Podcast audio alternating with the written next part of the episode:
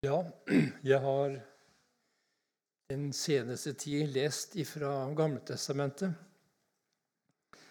Og det som har slått meg der, det er eh, om alle disse enkeltmenneskene.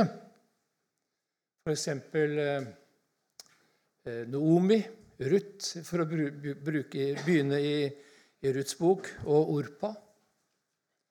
Så kommer vi inn i Samuelsbøkene, ikke sant, og Eli. Vi får høre om Elis sønner.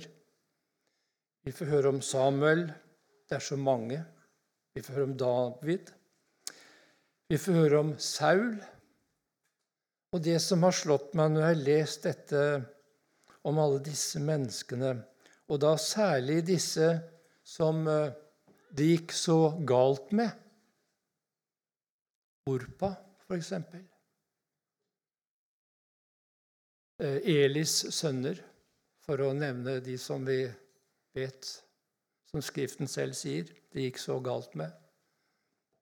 Så har det slått meg det at det er ingen av disse som det gikk så evig galt med,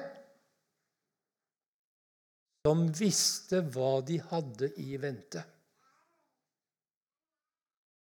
Synden hadde gjort noe med dem så de så ikke, og de visste ikke at det endte i et helvete.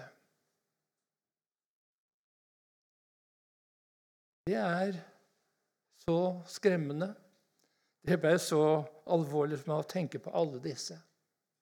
Tenk om de hadde visst at dette valget som de tok, eller valgene Om de hadde visst at det kom til å føre dem i den evige fortapelse. Tenk om de hadde visst det. Tenk om de hadde latt seg advare, men de ville ikke. Også til slutt så er det slik med synden at den blinder og den forherder. Og mennesket vet ikke at det går mot en evig fortapelse. Derfor skal vi lese fra Hebreerne kapittel 12. Det har tre vers der som har stått meg eh, i, mine tanker, og som vi da skal lese, Hebreerne 12. Først skal vi be. Herre Jesus, så roper vi til deg at du, Herre, må forbarme deg over oss, tale til våre hjerter. Bli oss forsterke, Herre, så ikke vi er ulydige mot ditt ord. At ikke vi vil bøye oss, i at vi ikke vil omvende oss og søke nåde og leve i samfunn med deg. Herre Jesus, vi ber, miskunn deg over liten og stor. Se nåde til oss, Herre. Amen. Hebreerne 12, fra vers 15, eh, 16 og 17, i Jesu navn og gi akt på at ikke noen viker tilbake fra Guds nåde, og at ikke noen bitter rot skal vokse opp og volde men, og mange blir smittet ved den, og at ikke noen er en horkarl eller en vanhellig som Esau, som for en eneste rett mat solgte sin førstefødselsrett dere vet jo at han og senere, da han ville arve velsignelsen, ble avvist, for han fant ikke rom for bot, enda han søkte den med tårer. Amen. Hebrebrevet er skrevet til eh, troende, til jødekristne. Det står i kapittel 6 og vers 4 står så veldig fint, syns jeg, der. Der står det at de er blitt opplyst, og de har smakt den himmelske gave. Og det er frelsen i Jesus Kristus. Det er evangeliet. Det er den himmelske gave. Og fått del i Den hellige ånd, altså fått Den hellige ånd til pant. Og et av kjennemerkene på dette at jeg har Den hellige ånd, det er jo det at han overbeviser meg om min synd, om dom, om rettferdighet, og at han taler til hjertet mitt og åpenbarer Jesus, slik at jeg får glede meg i hans frelse, og at jeg lar meg lede av Guds ord. Å ha smakt Guds gode i vers 5, å ha smakt Guds gode ord. Ja, Guds ord, ikke sant? Og den kommende verdens krefter. Fått også en forsmak på himmelen, på kreftene som er i himmelen. Og det er jo nåden, og det er kjærligheten og Den hellige ånd. Så hebreerne hadde også fått gå over fra døden til livet. De hadde kommet gjennom den trange port.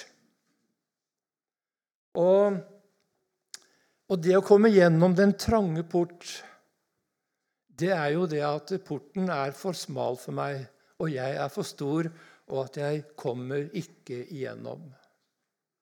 Og jeg kan ikke, slik som jeg er, komme inn i himlenes rike. Jeg vet ikke om du har opplevd det? At Guds ånd har fått vise deg at slik som du er, så er himmelen stengt fordi du er en synder helt igjennom. Uhelbredelig. Og der utenfor denne trange porten så Når det kommer sannhet i hjertets innerste, og det blir et rop om nåde, om frelse At jeg må bli frelst så tar Helligånden og viser oss Jesus om stedfortrederen som har ordnet opp. Og så får vi komme gjennom porten av bare nåde. Ja, sånn var det med hebreerne. Og de var kommet inn på den smale veien som gikk til himmelen. Og Før vi går videre, så har jeg bare lyst til å spørre har du opplevd frelsen. Har du kommet gjennom til liv i Gud? Har du kommet gjennom den trange port og fått komme gjennom og bli frelst av bare nåde? Du har fått smake den himmelske gave, frelsen, den uforskyldte. Jeg som ikke skulle bli frelst og kunne bli frelst, jeg ble frelst av bare nåde. Det er underlig at slik er det i Guds rike. Det er bare disse som Gud får frelse. Ja, har du kommet gjennom til livet i Gud, og lever du med Herren? Gjør du det? Nå skriver ikke Hebrebrevets forfatter først og fremst til deg, men du har også mye å lære av denne tekst. For Hebrebrevets forfatter han skriver til disse som har smakt, og som har opplevd frelsen og lever i samfunnet med Herren. Når vi leser da Hebrebrevet, så ser vi det at eh, hebreerne fikk det ganske vanskelig med det å bekjenne Jesus som Messias og leve for Han. Vi ser jo det i kapittel 10 og vers 32. Nå er jo hebreerbrevet skrevet en del år etter at hebreerne kom til tro på Jesus. Vi antar at det er skrevet rundt år 65. Også kanskje menigheten er ifra Vi vet ikke helt sikkert, da, men ikke så lenge etter pinsedag, kanskje. At det var en del der, der på pinsedagen og som dro tilbake og fikk starta en menighet. Vi vet ikke sikkert. Men at det eh, Antageligvis så har disse troende da vært eh, kristne i 30 pluss-minus noen år. 30 år. Og så sier han så skriver han om de gamle dager. Men kom i hu i de gamle dager, da dere, etter å ha vært opplyst, oppholdt eller utholdt en stor strid i lidelser, idet dere dels ble et skuespill ved hån og trengsel, og dels led med dem som hadde det slik.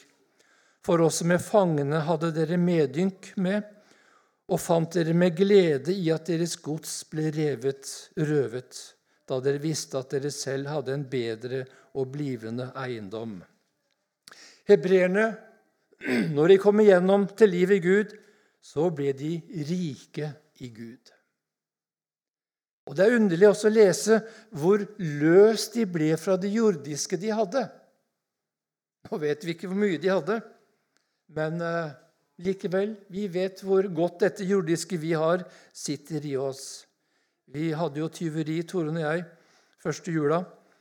Uh, og jeg, når vi fikk da telefonen på Jæren at det hadde vært innbrudd i leiligheten vår bort, like borti her, så kjente jeg jo det at det var noe som rørte seg her inne. ikke sant? Ja. Og Da er det underlig å lese om disse hebreerne som var så løst fra dette jordiske fordi de hadde en bedre og blivende eiendom. Og det var Guds rike her på jord og det fullkomne Guds rike i himmelen. Ja, det er underlig. Det er underlig hva evangeliet gjør med et menneske. Der evangeliet får rom. Det frelser, ja. Det gjenføder, ja. Jeg får et nytt sinn, ja. Jeg blir himmelvendt, ja. Jeg får Jesus sinnelag. Det er underlig. Det er underlig.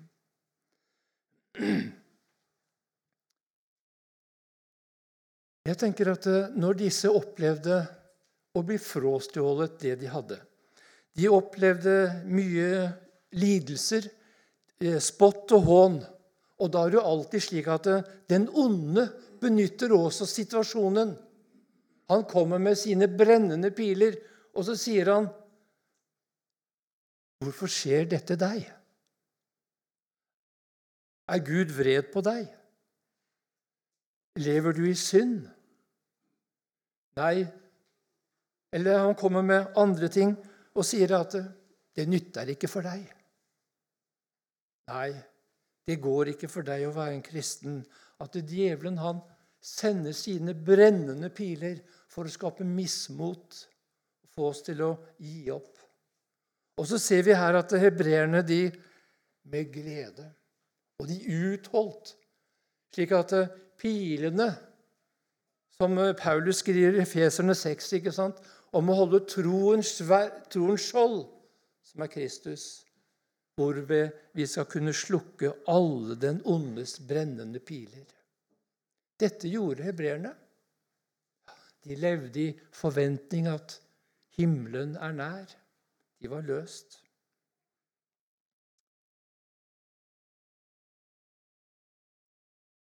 Går vi til hebreerne 12 har også, nå har vi snakka om, om, eh, begynnelsen for disse troende.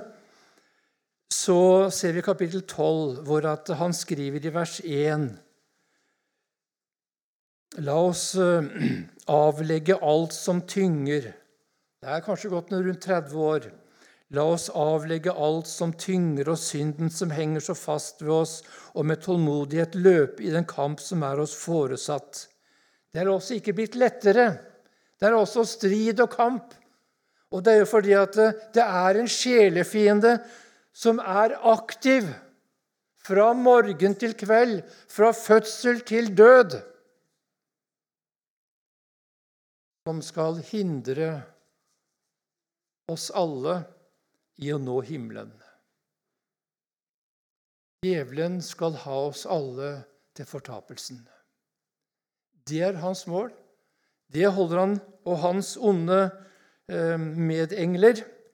De holder på. Og vi ser eh, litt eh, lenger ned her, da, i vers 2, om, om å ikke, ikke akte på vanæren, slik Jesus heller ikke aktet på vanæren.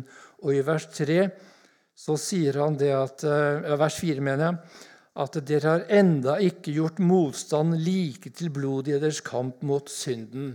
Og da tenker jeg til martyriet, til det å gi livet sitt for Jesus. Og egentlig med dette så varsler vel også forfatteren av brevet at dere, dere, dere må være forberedt på å gi deres blod slik Jesus også ga livet sitt. Han varsler om hardere tider.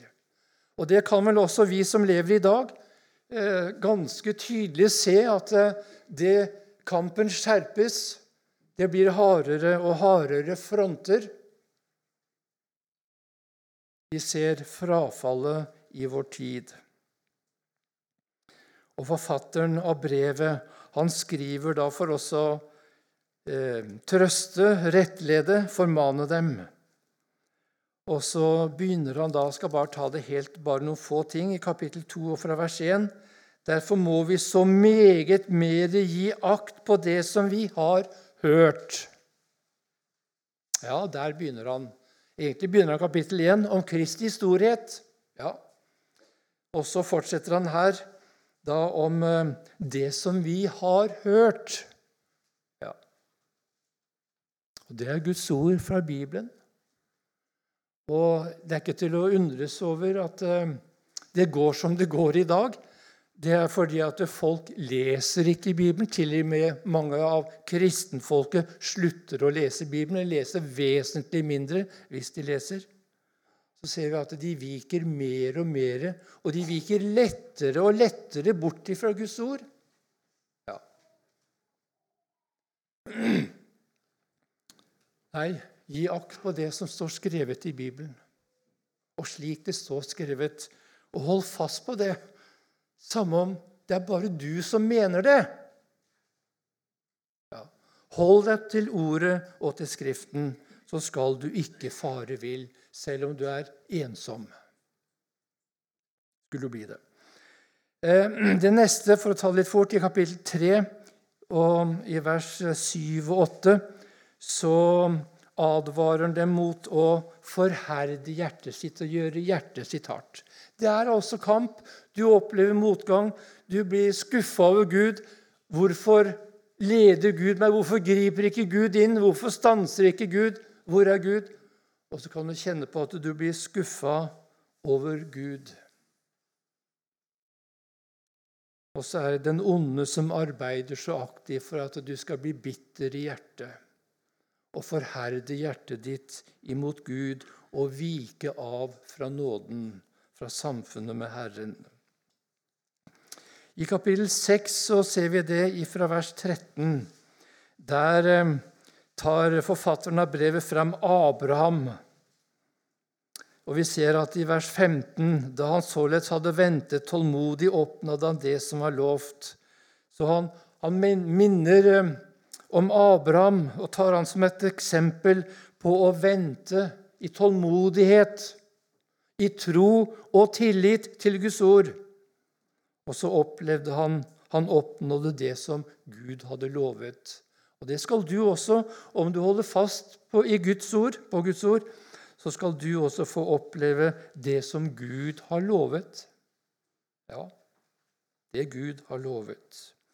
Og så hopper vi et stykke til kapittel 11, hvor vi har om alle disse trosheltene som han tar fram.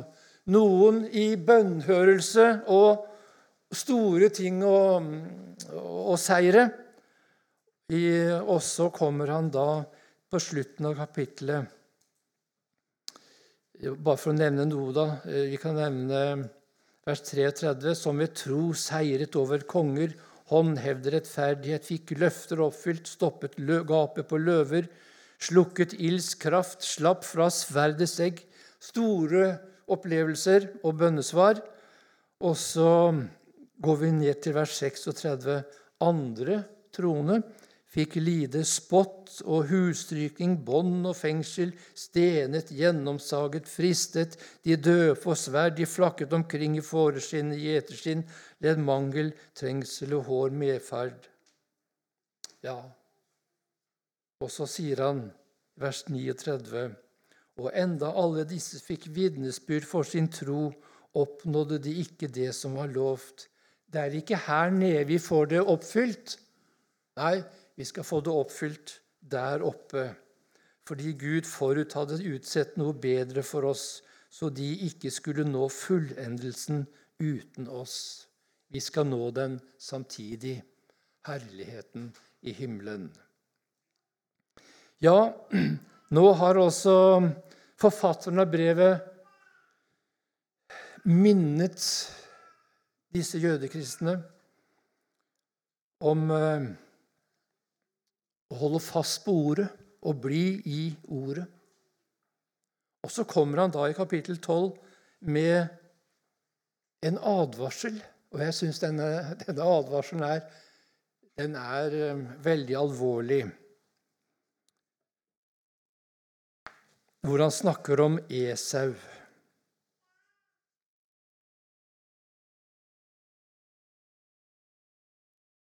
Når vi går til første Mosebok, i kapittel 25, så vet vi jo det at Esau han eh, var den førstefødte.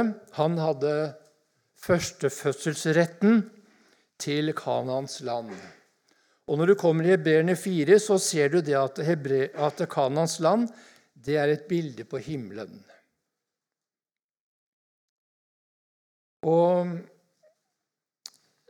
og så leser vi, og, det er underlig å se hvordan forfatteren av brevet bruker denne historien om Esau for å tale til de jødekristne, de hebreerne, men ikke bare til dem, men også til deg og meg. Og Før vi går litt inn på det, her, sånn, så vil jeg bare minne om at Jesus han har ordnet med en himmelrett for deg?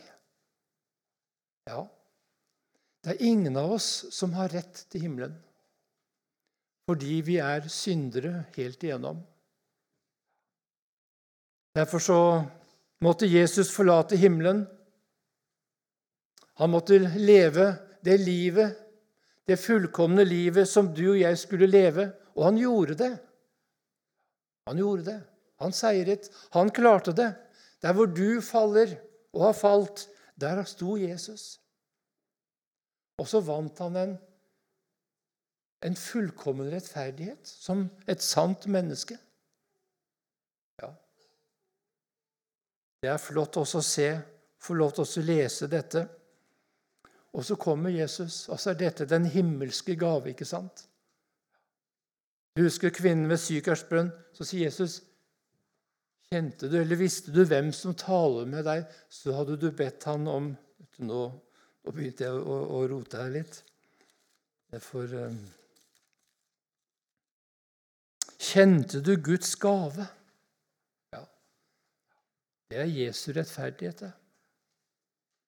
Den som du ikke klarer å nå opp til fordi du har falt og er et fallent menneske. Kjente du Guds gave, og visste du hvem det er som sier til deg, 'Gi meg å drikke', da hadde du bedt ham, og han hadde gitt deg. Er det ikke flott? For det var ikke bare Jesu rettferdighet som er den himmelske gave, men det er også Jesu blod. Og dette Guds sønns blod, det er så kraftig. At det har sonet all verdens synd, og også alle dine. Alt dette som du opplever i ditt liv, og som vil stenge deg ute fra himmelen. Alt som fordømmer deg. Så sant du bøyer kne, at du bekjenner deg, bøyer hjertet ditt for Herren og sier det som det er, med sannhet i hjertet, så gir Han deg denne himmelske gave uforskyldt. Og dermed, ser du, når, når loven er oppfylt At det er ingen bud som anklager og, og, og dømmer deg fordi du har fått Jesu rettferdighet. Og når alle dine synder som går deg imot, er slettet ut, ja, du, da har du rett til himmelen. Alle de som tok imot ham, gav han rett til å bli Guds barn. Arvedel i himmelen. Sånn er det for, for de troende. Så vi kan godt si det slik Nå, ikke, nå er det flere måter å, å, tale over den teksten, men nå skal vi se litt på historisk. Og sånn som eh, forfatteren av brevet bruker det. Vel, en gang vi ser i Første Mosbok 25-30 29. En gang da Jakob holdt på å koke en villing, kom Esau hjem fra marken og var rent oppgitt. Og Esau sa til Jakob, 'La meg få til livs noe av det røde, det røde du har der, for jeg er rent oppgitt.' Derfor kalte de han Edom, den røde. Men Jakob sa, 'Selg meg først din fødsels, førstefødselsrett.' Esau svarte, 'Jeg holder på å dø. Hva skal jeg da med førstefødselsretten?' Da sa Jakob, 'Gjør først din ed på det.' Og han gjorde sin ed på det og solgte så sin førstefødselsrett til Jakob. Og Jakob gav Esau brød og linsevelling, og han åt og drakk og sto opp og gikk sin vei. Således ringaktet Esau førstefødselsretten. Hvis vi tenker oss at han Esau hadde vært ute på, på jakt, kanskje hele dagen, vet ikke hvor lenge, men han kommer tilbake igjen, og vi fikk høre at han var rent oppgitt. Vi kan regne med at han hadde ikke fått så mye fangst, og at han var sliten og trøtt og motløs. Ja, sliten og trøtt og motløs. Og så er det ikke underlig. Tilfeldig så står Jakob der og koker seg en suppevelling av linser. Og når eh, Esau da får se denne suppa, så ber han om å få litt suppe. Ja, Jakob er lur. Han er ikke en god bror. Han utnytter sin bror. Han er listig. Han er slu. Selv meg førstefødselsretten. Så tenker Esau å, jeg er jo så sliten. Jeg er så mismodig. Jeg er så trett. Hva skal jeg da med førstefødselsretten? Arveretten til Kanans land? Odelsretten til Kanans land. Hva skal jeg da med den når jeg holder på å dø?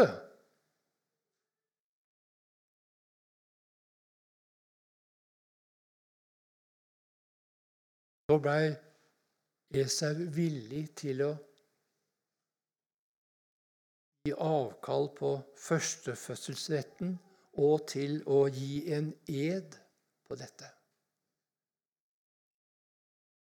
Gjorde han det? Og i et nu så hadde Jakob og Esau skiftet. Esau som hadde førstefødselsretten til Kanaan.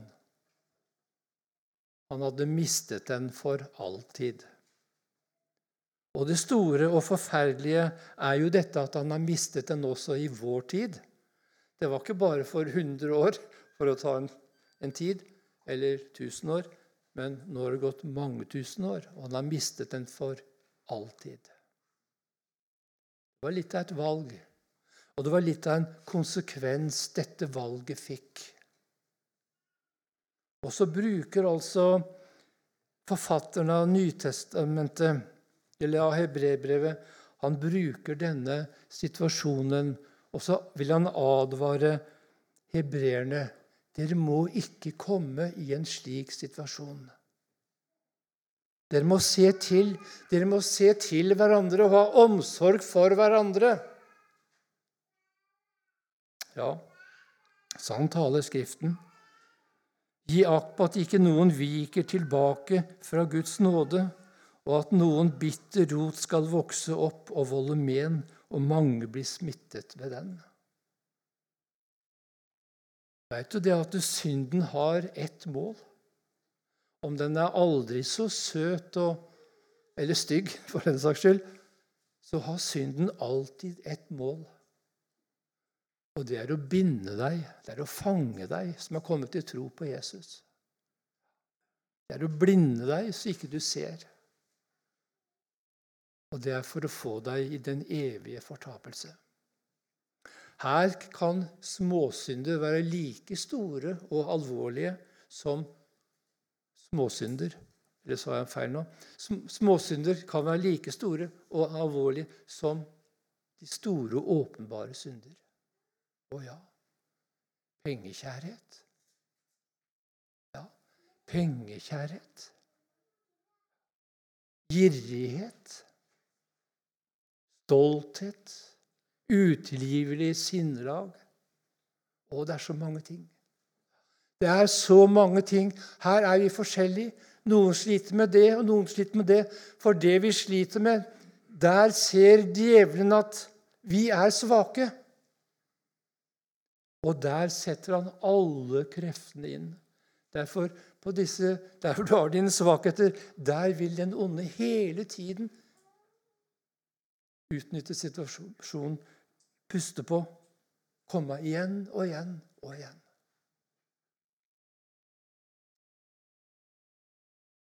Og som vi nevnte tidligere, da er det også slik at djevelen kommer som sagt med sine brennende piler. Ja. ja. Hvorfor skjer dette deg? Er Gud imot deg? Nei, jo, du er kanskje ikke rett omvendt. Kanskje du ikke er kommet igjennom til livet i Gud. Det kan være så mange ting. De brennende piler. Men du kan tenke deg ikke sant, disse brennende pilene Hvis ikke jeg har et skjold som er Kristus, til å dekke meg med det Og det kommer brennende piler på mine klær eller på mitt hode, så tar jeg jo fyr. Jeg tar fyr. Ja. Det er et skrøpelig bilde, men likevel. Og når det tar fyr, så kjenner du det både i hjertet ditt og du kjenner i hodet, i tanken og fornuften, hvordan det kan reise seg mot Gud. Hvor du blir misfornøyd, og hvor du kan bli bitter imot Gud. Ikke bøye deg. Ikke bøye deg. For du veit det at eh, det er jo Gud som leder din vei. Og Når du leser i Gamletestamentet, så ser du dette, at det er Gud som leder og sender i din vei. Og hvorfor eh, gjør han det? Jo, for at eh, han vil prøve deg. Han vil prøve deg om du holder fast på Guds ord eller ikke Jeg skal bare ta til ett eksempel. Tenk når denne store flokken på opp mot tre millioner mennesker pluss dyr gikk ut fra Egypt, jødene, kom over på andre siden. Og det første vannet de kom til, det var kunne de ikke drikke. Ja, Da begynte de virkelig å knurre. Mange gjorde det. Hvorfor, hvorfor tillot Gud dette? Det var jo Gud som ledet jødene. Hvorfor tillot han? Jo, han sier det for å prøve hva som er i ditt hjerte. Om du tar vare på Hans ord og blir i det. Eller om du forherder deg, viker fra Guds nåde, trekker deg unna. Ikke det at du forlater de troende og slutter å lese Bibelen og be, men du kommer på avstand fra det personlige forholdet med Jesus og Gud. Så når han eh, sender motgang og vanskeligheter av forskjellig slag Alle ting står her Guds tjenere. Gud bruker alt. Så skal du vite at det som kommer i din vei, det har Herren godkjent. Det er Herren godkjent. Hva har du å gjøre? Jo, du kan få lov å kneppe hendene og takke og si takk, Herre, for at du er så stor og så mektig at dette her, det formår du å frelse meg ut ifra eller ordne opp med.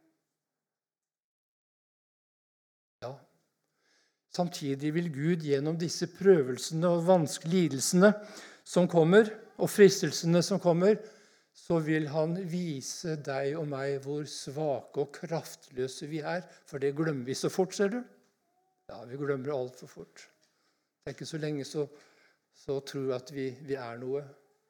Og så gjennom slike ting så kommer jeg ned til sannhetserkjennelse med å si som Paulus, ikke sant? eller med Paulus, at jeg er den verste av alle.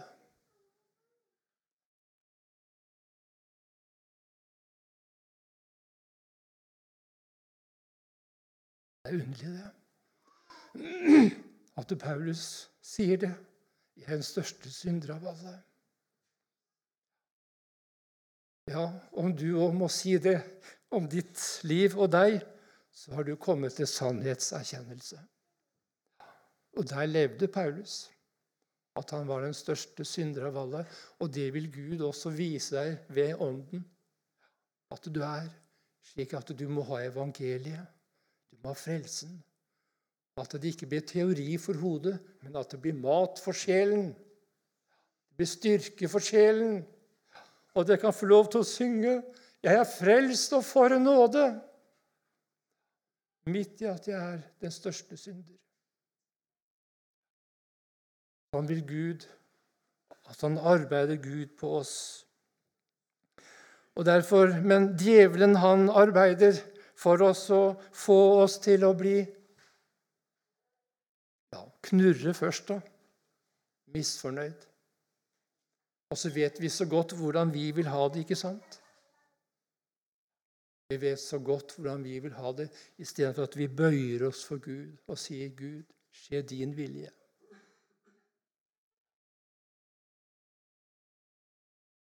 Og det er ikke bare det at eh, vi skal knurre, men som hun nevnte, det er også dette at eh, jeg skal bli bitter. Bli så motløs. Bli så oppgitt. Og tenk på det at eh, Esau han visste det at han hadde denne førstefødselsretten. Det visste han. Han visste hva det innebar. Han visste at han hadde retten, odelsretten til Kanans land. Men i denne bølgedalen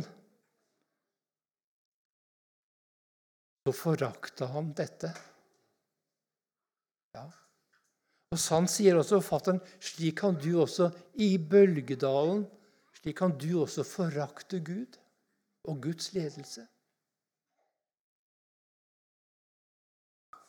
Og så får det evige følger. Det får følger for evigheten. Så hvordan er det i livet ditt når det kommer motgang og vanskeligheter, prøvelser, lidelser, fristelser? Hvordan er det? Gjør du som Esau? Fra nåden så får ikke nåden bli en kraft som reiser oss opp, løser oss og reiser oss opp til å leve for Herren.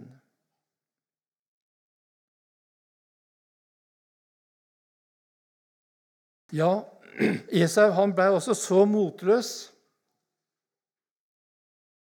at han eh, kunne gi sin ed på dette, at Jakob skulle få odelsretten.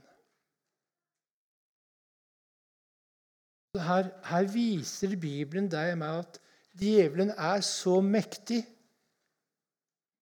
når det gjelder menneskers innerste inne, at djevelen er i stand til å få et menneske i sin vold og makt. Og nå gjelder ikke Esau, men nå gjelder det deg og meg. For uh, nå, nå vet vi jo det at dette med forherrelse det er noe som, som ikke skjer med ett fall, men det er flere fall som skjer. Det er at hjertet gjør seg hard imot Gud, og vil ikke bøye seg og vil ikke omvende seg og vil ikke bekjenne og vil ikke gjøre opp og vil ikke forsoning, verken med mennesker eller Gud.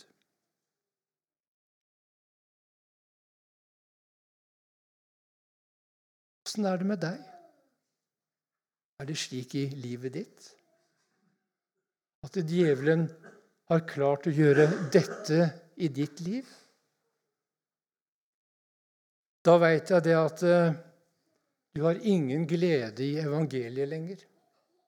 Nei. David, han prøvde jo.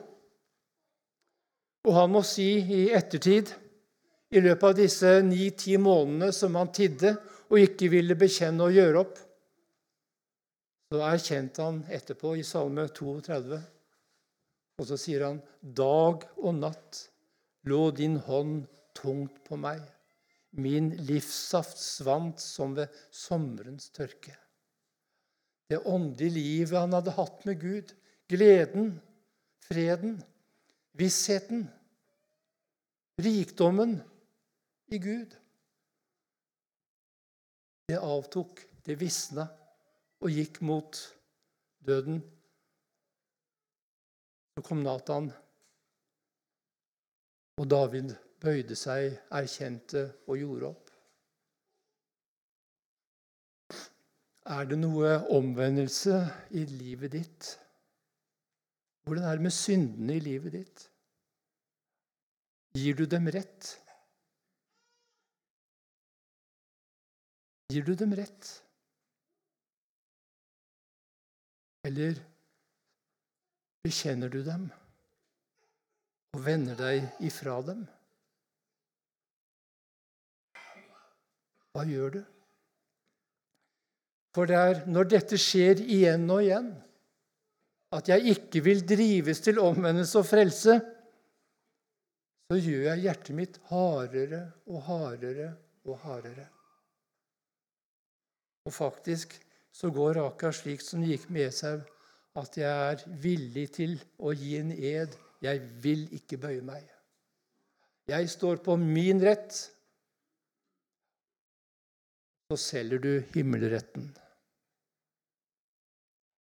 Så selger du himmelretten. Så alvorlig er det. Det er det som er djevelens mål med deg og meg, at du og jeg skal bli bundet fast i synden. At det ikke blir noen vekkelse, at det ikke blir noen bekjennelse. At det ikke blir noe nåderop om frelse og utfrielse. Forsoning. Og så dør, som sagt, gudslivet ut. Vel, Esau han fikk uh, suppa. Og han tok den. Og Jakob var til og med såpass villig at han ga Esau brød, leste vi. Han fikk mer enn det han ba om. Ja, Jakob ville vel bøte litt på den dårlige samvittigheten, kanskje, hvis han hadde noen. Så går det en tid. Vi vet ikke hvor lenge.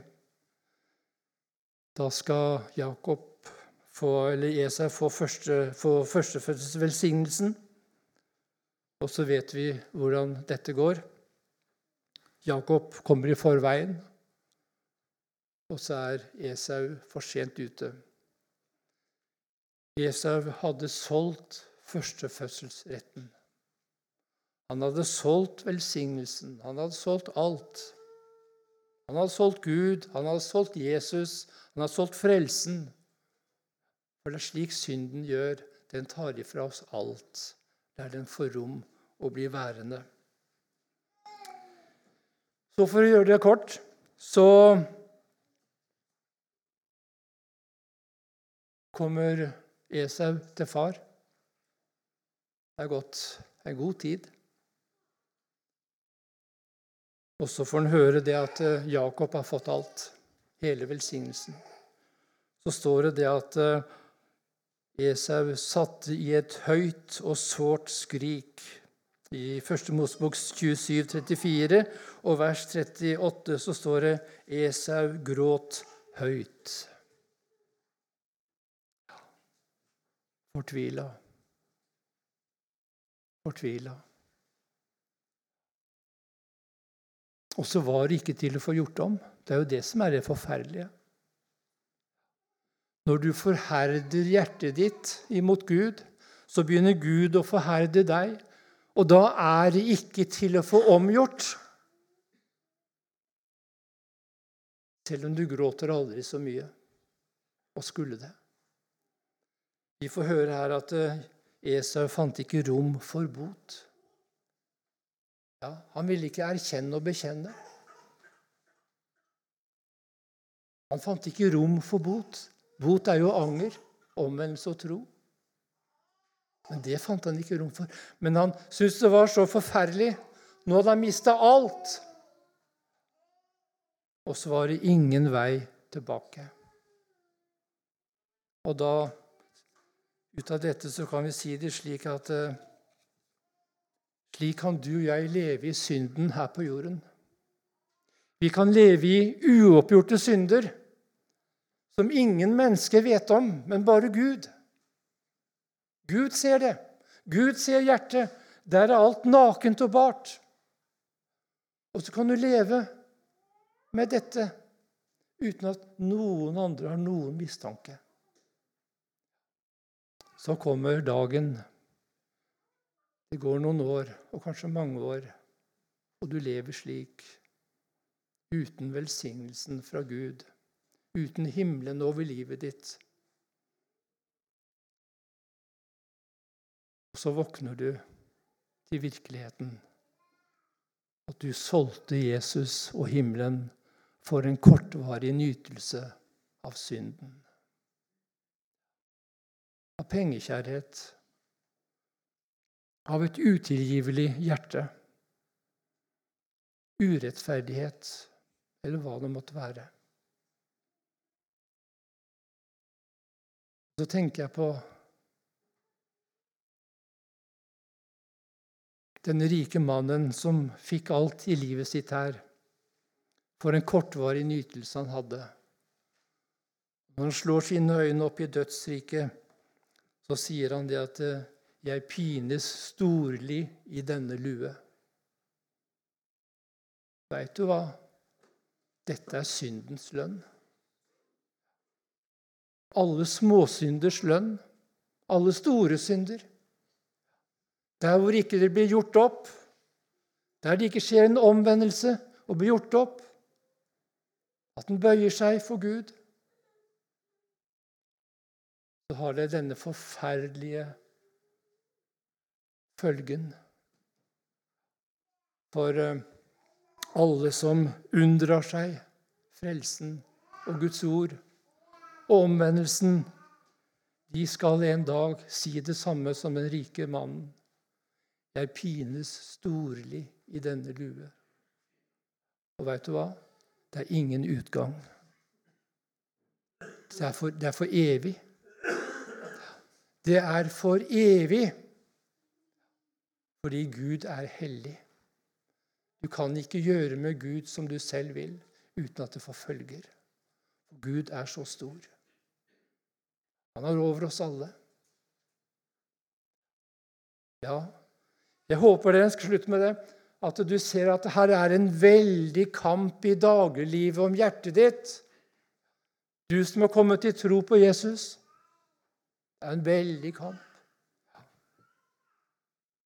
For at du skal bli sliten og motløs, trøtt og gi opp.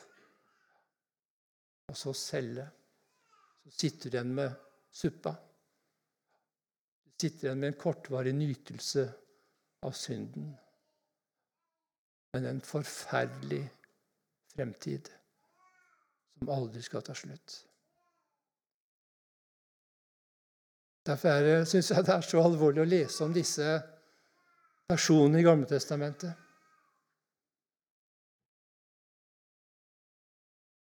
Hvilke valg tar du? Bøyer du deg for Guds ord? Gjør du det? Omvender du deg til Herren? Tar du imot evangeliet og tror nåden? Lever du i lyset? Det får så store følger for meg. Og ikke bare meg, men jeg kan dra andre med meg. Det skal jeg ikke komme inn på nå. Men jeg kan dra, jeg drar de, kan dra de andre med meg. Ja. Forferdelig. Det gjelder en evighet. Så er veien Den er banet til himmelen, og derfor lyder det 'Kom, kom'. Og skulle du være her i kveld som ser det at eh, du har blitt avslørt, ikke av meg, men av Den hellige ånd og ved ordet, så er det fordi at Herren vil frelse deg og din sjel. Det er nåde for deg òg. Så får du komme. Om du sitter der og bøyer deg i ditt hjerte, eller om du vil prate med noen av ledere, talere eller andre, så gjør det. Husk på at det, gjelder evigheten. Det gjelder evigheten, hvor du skal tilbringe den. I himmelen for Jesus skyld, eller i fortapelsen. Selvforskyldt fordi jeg ville ikke omvende meg. Amen.